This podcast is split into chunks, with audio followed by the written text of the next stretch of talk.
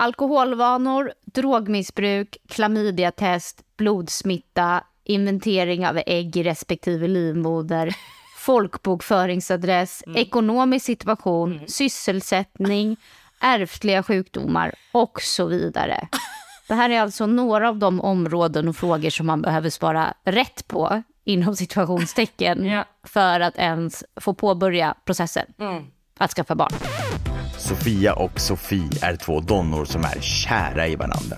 Ett hot lesbian couple, om jag får uttrycka mig fritt. Och det får jag ju eftersom att vi har yttrandefrihet i Sverige. Sofia gillar Orup, show och blaskig lager. Hon jobbar till vardags som komiker och producent. Sofie gillar tryffelsalami, höga berg och bubbel. Hon spenderar måndag till fredag med att bygga nya, innovativa produkter. Sofia och Sofia har precis fått sitt första barn. Gud så roligt. Detta väckte dock en hel del frågor från både nära, kära och folk de knappt känner. Så de tänkte berätta hur det här har gått till, en gång för alla. Välkomna hörni, kul att ni lyssnar. But baby, baby, come get some of this gravy. I can see that your taste buds crave me. I'm the baddest, baby. You should come and frame me. Men du kan inte säga att min start är tråkig. Nej, okej då, men jag tänkte bara att vi skulle gå in lite mer så här, eh, wow, vad vi är liksom bara här i nuet. men vi startar som du tänkte då. Idag ska vi prata om, Anställningsintervjun. exakt, och innan man var med i den här processen, hur, hur, vad var en anställningsintervju för dig då? Alltså de allra flesta människor tror jag eh, kanske inte har en jättepositiv relation till just anställningsintervjuer. Vilken är din värsta anställningsintervju? Eh, nej men jag gick igenom väldigt många anställningsintervjuer på universitetet för olika extrajobb och sen riktiga jobb. Och kom liksom aldrig igenom nålsögat. Hur de? Nej. Jag bara måste hålla koll på inspelningen. Fan. Eh, och det var väldigt jobbigt, för när man tar eh, examen precis och ska ut i arbetslivet så har man kanske minst självförtroende. Mm. Men man får ju verkligen så konstiga frågor tycker jag på de få anställningsintervjuer som jag har varit på. Alltså i min bransch så är det mer att man skriver på Messenger, är ledig för det här projektet, kan du komma in och snacka lite? Och Eh, hundra emojis. Mm, ja, ja, det är det. Det är hjärtan och kram och sådär. Du, det har ju verkligen du eh, reagerat på. Alltså när jag bara, nej men jag har fått erbjudande om det här jobbet. Ja, vad kul. Ja, men Happy Messenger. Eh, puss, hjärta, vill du vara med oss i det här projektet? Men jag älskar det. Det är en ganska liten bransch, eller ja, man lär känna ganska många och då tycker jag det är jättehärligt att det är så. Men när jag gjorde anställningsintervju för typ ICA så var det ju ofta så, berätta om dig själv, vad är dina bästa egenskaper, bla bla bla. Och på sämsta egenskaper så sa man bara, jag tar på mig för mycket. Ja, exakt. Jag är väldigt envis. Offerkoftaröst. Ja, ja det är det. Eh, Så, så det hade man ju med sig, att man får många konstiga frågor. Men den här anställningsintervjun hos eh, eh, kliniken är ju den mest speciella man har gått igenom. Det tycker jag i alla fall. Det är lite som de här toppjobben när man också ska gå igenom kanske tio intervjuer innan man får någon typ av besked. Mm. Och kommer du ihåg vad den första frågan eh, var? Den var berätta lite om er själva. Ja, herregud. Men då gör man den i grupp, så jag är beroende av att du svarar bra också. Och vice versa. Just det.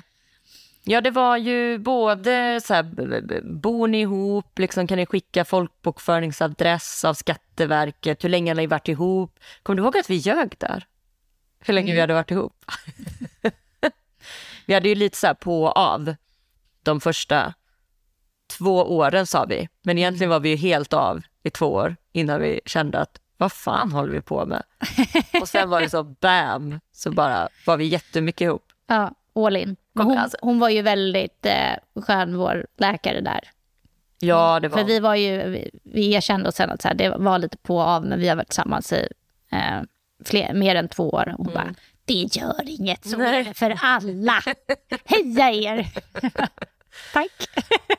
Ja, och det kändes inte, tycker jag, konstigt att ljuga lite där. För jag menar, det spelar väl ingen roll att det hade varit så, när man är så säker på sin sak nu. Ja, Och att man är lite irriterad över den frågan eftersom man, det inte spelar någon roll när man inte är två liksom, av samma Kön? Ja, jag gissar att eh, det är för att barnet ska komma in i en trygg miljö Mm. och inte en fling. Nej. Och då är två år tydligen den, eh, den kritiska gränsen. Och vem har kommit på det? Är det någon typ av forskning att efter två år, då jävlar vet man. Ja. Och gud vad trygg man är. Baby, baby, come get some of this gravy. I can see that your taste buds crave me. I'm the baddest, baby. You should come and frame me. Men tillbaka till den här långa meritlistan. Alla jobb man söker har ju en, meritlista, men den här var ju minst sagt speciell. Alltså de tog blod, vad heter det? De tog blod Blodprov. ja, på oss för att se om vi hade någon blodsmitta. Alltså man känner ju sig som, alltså man känner ju sig lite så här skamlig typ på något vis. Ja, men det, det är två sidor av myntet. Dels så ska de kolla att man är i fysisk toppform. Och Ja. det lärde vi oss senare att det är ju en av många anledningar till att eh, par helt enkelt åker till Danmark. Och det kan ju kännas orättvist att man kollar om man är i fysisk toppform. Mm, verkligen. Det är ju inte alltid som man är det. Till exempel ett eh, kvart i tre-ragg eh, hem från Soap Bar.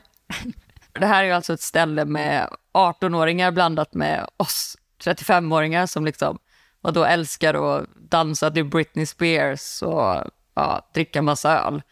Det är lite olika förutsättningar. Inte fysiskt toppform, men det kan fortfarande bli barn. Ett poddtips från Podplay. I fallen jag aldrig glömmer djupdyker Hasse Aro i arbetet bakom några av Sveriges mest uppseendeväckande brottsutredningar. Går vi in med hemlig telefonavlyssning och, och då upplever vi att vi får en total förändring av hans beteende. Vad är det som händer nu? Vem är det som läcker? Och så säger han att jag är kriminell, jag har varit kriminell i hela mitt liv men att mörda ett barn, där går min gräns. Nya säsongen av Fallen jag aldrig glömmer på Podplay. Alltså det är många som, precis som du säger, att man inte är i fysisk form eller att man tidigare har haft eh, alkoholproblem eller drogmissbruk och det kan vara många år bakåt i tiden. Ja, och även psykisk ohälsa i olika former bakåt i tiden. Ja, kan vara ett problem. Ja, Nej, men jag kan ju såklart förstå att är man mitt i ett missbruk så kan ju inte ens region eller staten finansiera ens unge. nej. Det förstår jag också, men att man har man varit liksom drogfri i tio år så ska det fortfarande vara, vad man har förstått, väldigt, väldigt svårt att skaffa barn. Och det där kan ju kännas orättvist. Ja, och vår reflektion är väl att kanske 50-70 procent av allt som man testas för känns rimligt. Ja, Men att de där sista procenten blir, ja men som du säger, skamligt, nästan förnedrande, Ja. att man känner sig ifrågasatt. ja. Om man kanske var lite osäker innan på så här, kommer jag klara att axla föräldrarollen? Så blir man nedtryckt i skorna alltså ja. i de här eh, psykiska utredningarna. ja. Så summa summarum, det är svårt att komma igenom och få det här finansierat av staten. Men utöver att gå igenom den här utredningen och behöva svara på, på frågor så är man ju ofta väldigt nervös över hur man kommer vara i föräldrarollen, hur man kommer klara den, eh, vad det kommer göra med oss och vår relation. Eh, och vi pratade ju väldigt mycket om det, just för att man behöver också ventilera den här processen. Eh, Jag tror de flesta är nervösa för att liksom skaffa barn och bli föräldrar. Så ska man då ta på all den här ångesten och de här testerna så hoppas vi klarar det. En viktig punkt har ju alltid varit din basilskräck. Den har varit central faktiskt eh, i det här med att skaffa barn. Jag har fått eh, bearbeta mitt eh, trauma jag har med basilskräck. Sofia kan alltså knappt gå in på offentliga toaletter. Nej, det är, jag, jag, kan, jag kan typ, jag, jag kan om jag går in själv, men jag får panik när jag tänker att Juni kanske ska tappa något på golvet, kanske hennes käraste kanin och då måste jag slänga den. Ja, det har, saker har slängts för att de har tappats på eh, golv Ja, på offentliga toaletter. ja, Och din lösning på det här innan juni kom var ju ändå rätt innovativ, kan man säga. Tanken var då alltså att varje gång som eh, Juni och Sofia skulle gå in på en offentlig toalett så skulle Juni sätta på sig såna här, de här blåa skoskydden som vi har pratat lite om tidigare. Fast för barn då. Eh, så att man snabbt skulle kunna liksom avfärda bacillerna när toalettbesöket var klart. Och du skulle även ha på dig en sån här äh, regnponcho som man har när man åker flumride. För att minimera kontaktyta från toalettgolvet med dina kläder. Åh, gud. Jag blir så liksom eh, nervös bara att prata om det här så jag slog till i bordet här. Men alltså jag, jag kände bara att om jag ska lyfta Juni efter att hon har gått på golvet så kan ju inte hon nudda min jacka eller mina byxor för då måste jag slänga det också. Men så här ett och ett halvt år in så har vi ännu så länge inte köpt poncho eller skoskydd. Å andra sidan har hon fortfarande blöja så att Och du har fått ta alla offentliga toalettbesök för det har ju varit våran deal. För att vi skulle skaffa barn tillsammans Ja. så skulle jag alltid köra bilen och du skulle ta alla offentliga toaletter. så är det. Ja. Så att Man det kompromissar i förklarar av. hälsosamma relationer. Men du hade ju också vissa saker som, som du tampades med. Alltså du har ett mycket mer så här kontrollbehov än vad jag har. Jag är mer så, ah, det löser sig. Om jag inte hittar min plånbok så kan jag ju bara, ja men jag hittar den säkert imorgon. Verkligen. Då får du lite... Alltså, om vi ska på semester och Sofia har bokat hotellet blir jag så stressad. Men det är ju det som Jag är inte liksom... har någon översikt av vad planen är. Nej, men du bokar ju allt och så har du satt ut 55 sådana här hjärtan på Google Maps vart vi ska gå. Och jag kan tänka så här, men vi går in här spontant och tar en öl kanske, men är vi på väg då till ett ställe, då är vi ju på väg dit. Jag kan, jag kan vara spontan, Ja, understryka det. ja. Men jag tycker också att det är viktigt att maximera. Ja, Så att man inte lämnar ett ställe och känner att oj, nu missade vi mycket.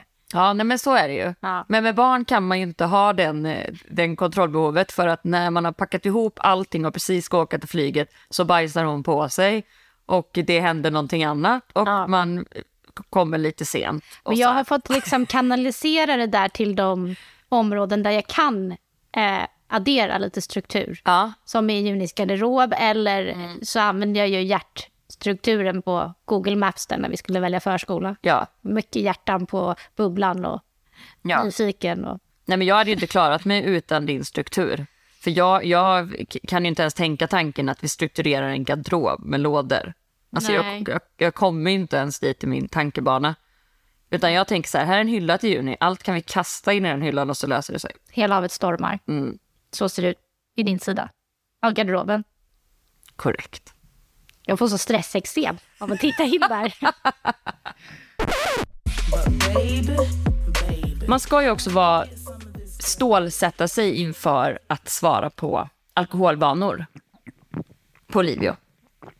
Alltså jag tror att vi har fyllt i, alltså under alla de här mötes, mötena som vi har varit på så har vi fyllt i den där alkoholblanketten säkert sju gånger. Det är ju på det här andra mötet man får fylla i den första gången. Och då är det ju typ som en sån här blankett i skolan. Ja, hur många glas dricker du i veckan? Eh, dricker du ofta för mycket? Röker du? Snusar du? Knarkar du? Har du någon gång haft minnesluckor? Ja. Eh, har du någon gång haft ångest efter alkohol? Men fan har inte haft det. Det är ju lite som en sån här blankett som man aldrig någonsin kan svara rätt på.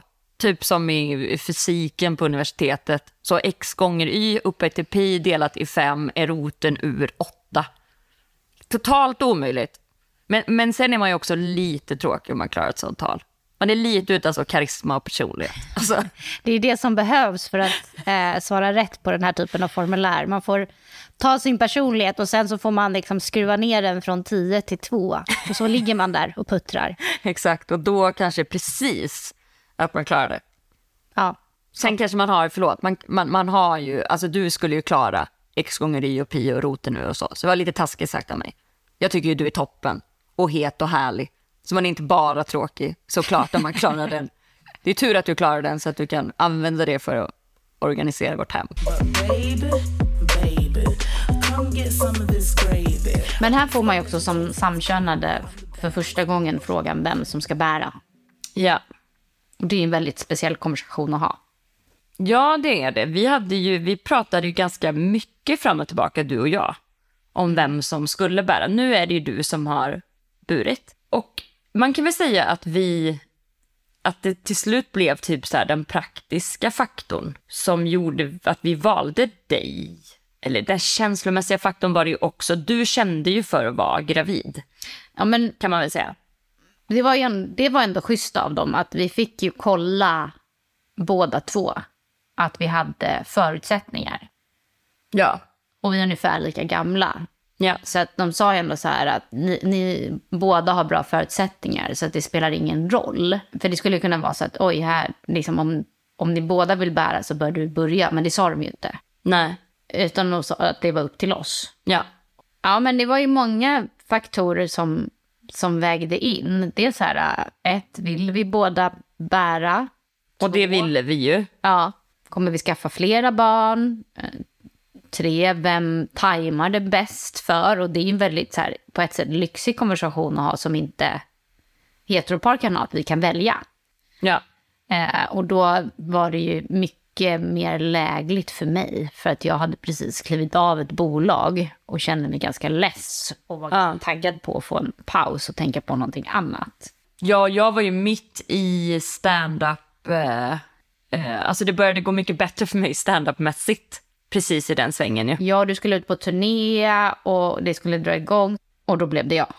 Och det bestämde vi när vi gick utanför våra alkoholvanor. på nyårsafton i Brasilien klockan fyra på morgonen i kön till Subways. Då kände vi att nu är våra sinnes fulla bruk till att ta det här beslutet.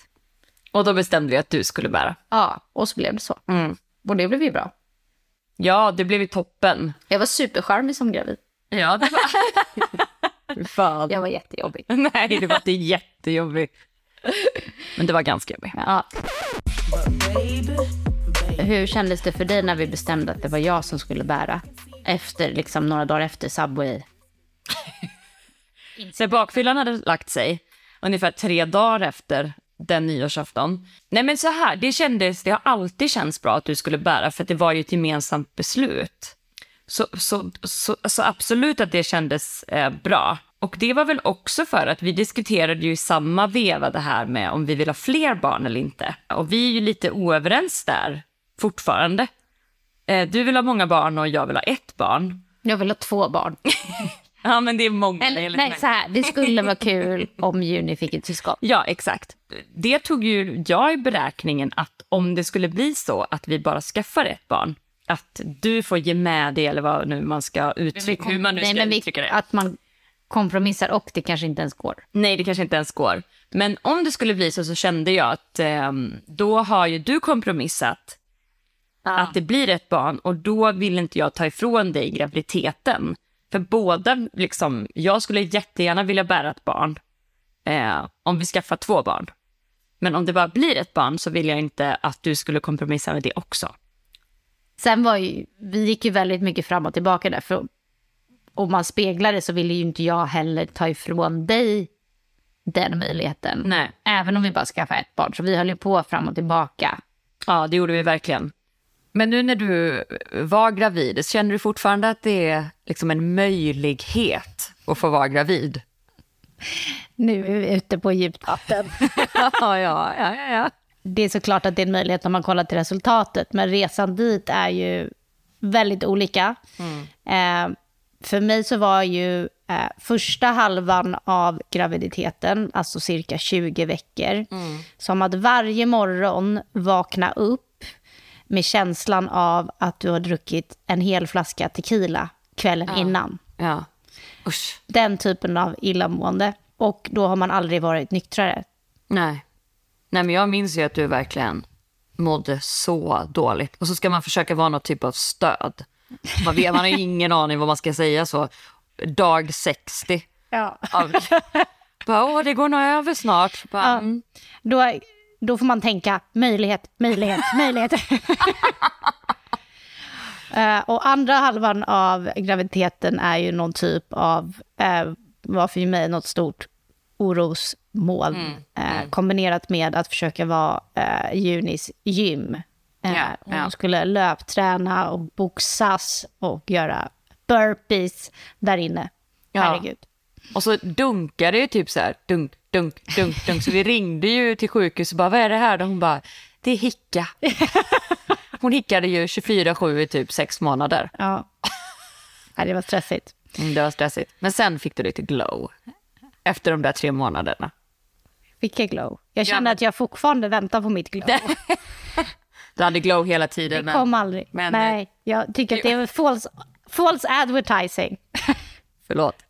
med glow. Poddtips från Podplay. I podden Något Kaiko garanterar östgötarna Brutti och jag, Davva, dig en stor dos skratt. Där följer jag pladask för köttätandet igen. Man är lite som en jävla vampyr. Man har fått lite blodsmak och då måste man ha mer. Udda spaningar, fängslande anekdoter och en och annan arg rant. Jag måste ha mitt kaffe på morgonen för annars är jag ingen trevlig människa. Då är du ingen trevlig människa, punkt. Något Kaiko, hör du på Podplay. Därför är gardinerna. Baby, baby. Vi har ju lyft fram ett par saker som man måste svara rätt på, eller som måste vara på plats för att man ska få påbörja processen att Ja. skaffa barn. Ja. Och få det sponsrat av eh, regionen. Mm. Men listan är ju väldigt lång. Ja. Vi kommer inte rabbla upp allting här, för det blir långtråkigt. ja, precis. Eh, Men det finns ju några grejer som är intressanta. Det här är då Region Stockholm. Det kan variera en aning, vad vi har förstått. Men till exempel då så, ja men man får inte ha några gemensamma barn, man måste vara tillsammans i två år, man ska vara skrivna på samma adress, man måste ha varit ofrivilligt barnlösa i minst ett år. Gissar att det här är för heteropar.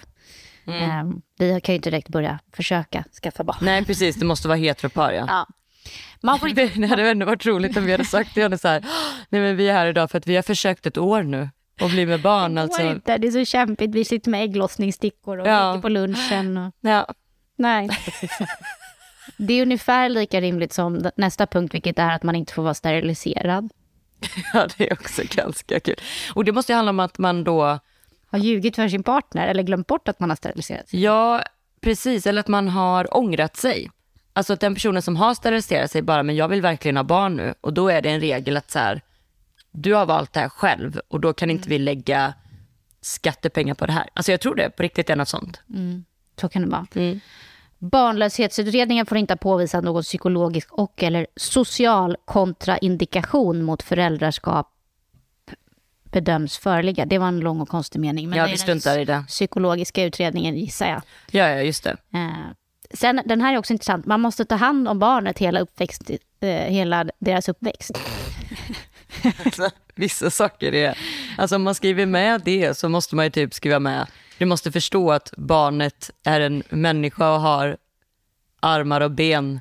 Ja. För det kanske du inte vet innan du skaffar. Alltså det är så, ja, okej. Fortsätt. Man måste även ha uppnått mogen ålder, vilket betyder att båda parterna behöver vara över 25 år. Ja, just det. Så är det. Men som kvinna får man inte vara över 40, så det är ett spann där. 15 år man får köra på. Ja. Och som man får man inte vara över 56, eller partner. Mm. Så jag antar att det är samma för dig. Alltså, kanske inte eftersom jag inte kan hjälpa till. Nej.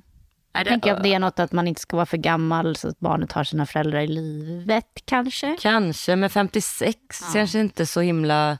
Det kan man ju få barn, tänker jag. Alltså det är inte så högt. Men ja, skitsamma. Det är i alla fall eh, en regel där. Ja, och sen kollar de ju mycket kring eh, ja, men att man kan liksom ge barnet ett tryggt hem. Och det Ja. kan ju vara lite flytande vad den definitionen Ja, är. väldigt. Men de kollar ju våra inkomster till exempel. Vad tjänar ni? Eh, frågar de ju. Och också lite speciellt, så här, vart går gränsen för att så här, ni tjänar för lite? Det, är- ja, det är många saker som man undrar, som man inte får svar på Ja. direkt. Eh, men kort och gott då, eller långt och gott om man ska kolla på den här listan. Exakt. eh, så kan det vara bra att förbereda sig på att ha svar på de här punkterna. För Ja. att få sin eh, remiss godkänd. Att du har burit barnet har varit eh, jobbigare eller mer komplicerat och invecklat för andra än för mig. Det är ju många mer som har frågat mig eh, hur det känns att du bär än vad jag har liksom ställt den frågan till mig själv. Och det är ju jätteintressant. Ja. Alltså så många gånger som folk frågar mig, ja, men hur känns det att Juni inte är din biologiska dotter? Och, eller hur känns det att Sofie bär? Och den frågan blir ju indirekt, hur känns det att hon inte är biologisk? När man frågar så, hur känns det att Sofie bär? Då är ju det det man egentligen frågar. Det man egentligen vill veta. Ja. Och det var ju vi väldigt förvånade över att normen kring gener och genetik är så stark. Oerhört starkt. Och att det finns en sån nyfikenhet i det. Ja, verkligen. Och också kanske inte så en, en rimlig förståelse eller eh, så att det är lite att pusha integritets... Vad säger man? Muren. Ja, alltså sin så här personliga sfär. Och det har man ju liksom verkligen fått vara med om. Att det finns ju ingen... Alltså man skulle ju aldrig fråga ett heteropar så här, fan hur låg ni då? Stod hon på huvudet efteråt? Bla bla bla. Alltså man skulle inte göra det på jobbet.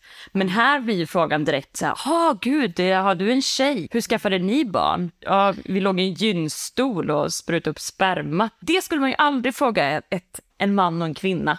Det skulle man ju inte. Nej. Så den där sfären är ju flyttad väldigt mycket på. Folk känner liksom inte riktigt av den. Det var ju någon fas där också, typ kanske sjätte, sjunde, åttonde månaden när det började synas mycket. Ja. Som folk frågade som mest också. Ja. Och det är då man själv är som mest kanske lite orolig, osäker. Ska allt gå bra? Hur kommer vi liksom hitta varandra i det här nya? Och sen bli bombarderad med den typen av frågor utifrån som andra slipper är ju... Det är en märklig situation även om det oftast inte är någon som menar något ont. Nej men det är det ju inte. Och jag minns att när jag fick de här frågorna som mest så skrev jag ett Instagram-inlägg om det. Och då så skrev jag ju det att jag, jag tar inte illa upp att jag får den frågan. Men man kan ju också sitta vid en middag med två samkönade par och tre heteropar. Och två av heteroparen har tagit hjälp för att hans sperma eller hennes ägg fungerar inte. Men det syns inte att de har tagit hjälp.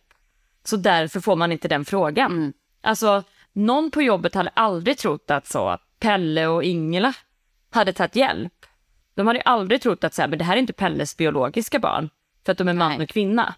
Men så det kan vara liksom noll så här, gener från Pelle där, men han kommer aldrig bli ifrågasatt. Nej. Eller noll gener från Ingela. Så här. För det syns inte. Och det är ju, man får fan tänka sig för. Verkligen. I, i olika sammanhang. För det kan ju trigga mycket saker. Sen har det ju varit så här, jag har mest varit förvånad typ att folk Ja, du har ju varit väldigt cool och stark i det. Ja, kanske har. Alltså de här namnen du nu valde till dina fiktiva eh, dinner dates här. Pelle och Ingela. What the fuck? Nej, men ja, jag vet. Jag är ju lite kär i sådana namn. Alltså mitt första val, eller det som var liksom 50-50 med Juni, det var ju Barbro. Men det strök du oerhört fort. Jag kände att just på engelska så blir Barbro lite väl edgy när man också har två morsor. Ja, okej då. överdriva. Ja. Nej, men Juni blev, det blev ju toppen. Ja, vi har inte varit helt överens eh, kring namnet på den här podden heller. Jag har nästan gått i skilsmässa. Ja. Ska, vill du att jag berättar vad jag ville att den skulle heta? Du har tillåtelse att berätta. Jag ville att den skulle heta Hot Lesbians. Gör barn. För att jag tyckte, eh, eh, ja, lite hybris hade jag väl också, att vi är så oerhört snygga. Vart Men- kommer Hot Lesbians ifrån? Nej, men det- det kommer från när vi var i New York för några år sedan. Innan juni fanns var ju det här. Och då stod vi i en kö till en bar och eh, då var det en kille som vände sig om i kön och bara Excuse me, oh my god, are you like hot lesbians? I never seen hot lesbians before. Så vi har ju liksom eh, haft det som någon så rolig grej som har följt med oss. Vi har drivit mycket om det. Så att jag tyckte att det var ett roligt namn eh, och folk skulle kunna bli lite arga och så tycka att man har hybris. Och eh, ja, jag tror folk hade liksom klickat och bara, vad är det här för konstiga personer som tycker så här om sig själva? Jag som är lite mer försiktig och konflikträdd tyckte att det här var en fruktansvärt dålig idé. Eh, om ni inte redan har dragit referenser till eh, porrbranschen så kommer de också att komma. Eh, ja, så nu blev det Inte det. inte det. Och det blev toppen ändå. Och det tycker jag känns jätteskönt. Vill du för evigt vara googlingsbar på Hot Lesbians gör barn? Okej då. Tveksamt. Det var allt för idag. Tack för att ni har lyssnat. Och i nästa vecka ska vi bland annat prata om det här. Det som är på allas läppar när man eh, blir varse att man går igenom den här processen. Gener. Vem är pappan? Vem är den riktiga mamman? Ja, alltså så många gånger jag har fått den frågan. Så vi hörs nästa vecka. Puss och kram!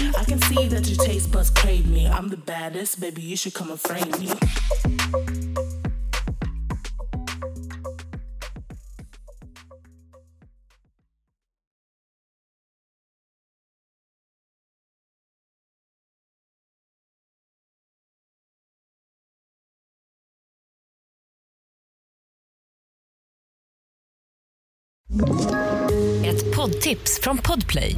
I fallen jag aldrig glömmer djupdyker Hasse Aro i arbetet bakom några av Sveriges mest uppseendeväckande brottsutredningar. Går vi in med hemlig telefonavlyssning och, och då upplever vi att vi får en total förändring av hans beteende. Vad är det som händer nu? Vem är det som läcker?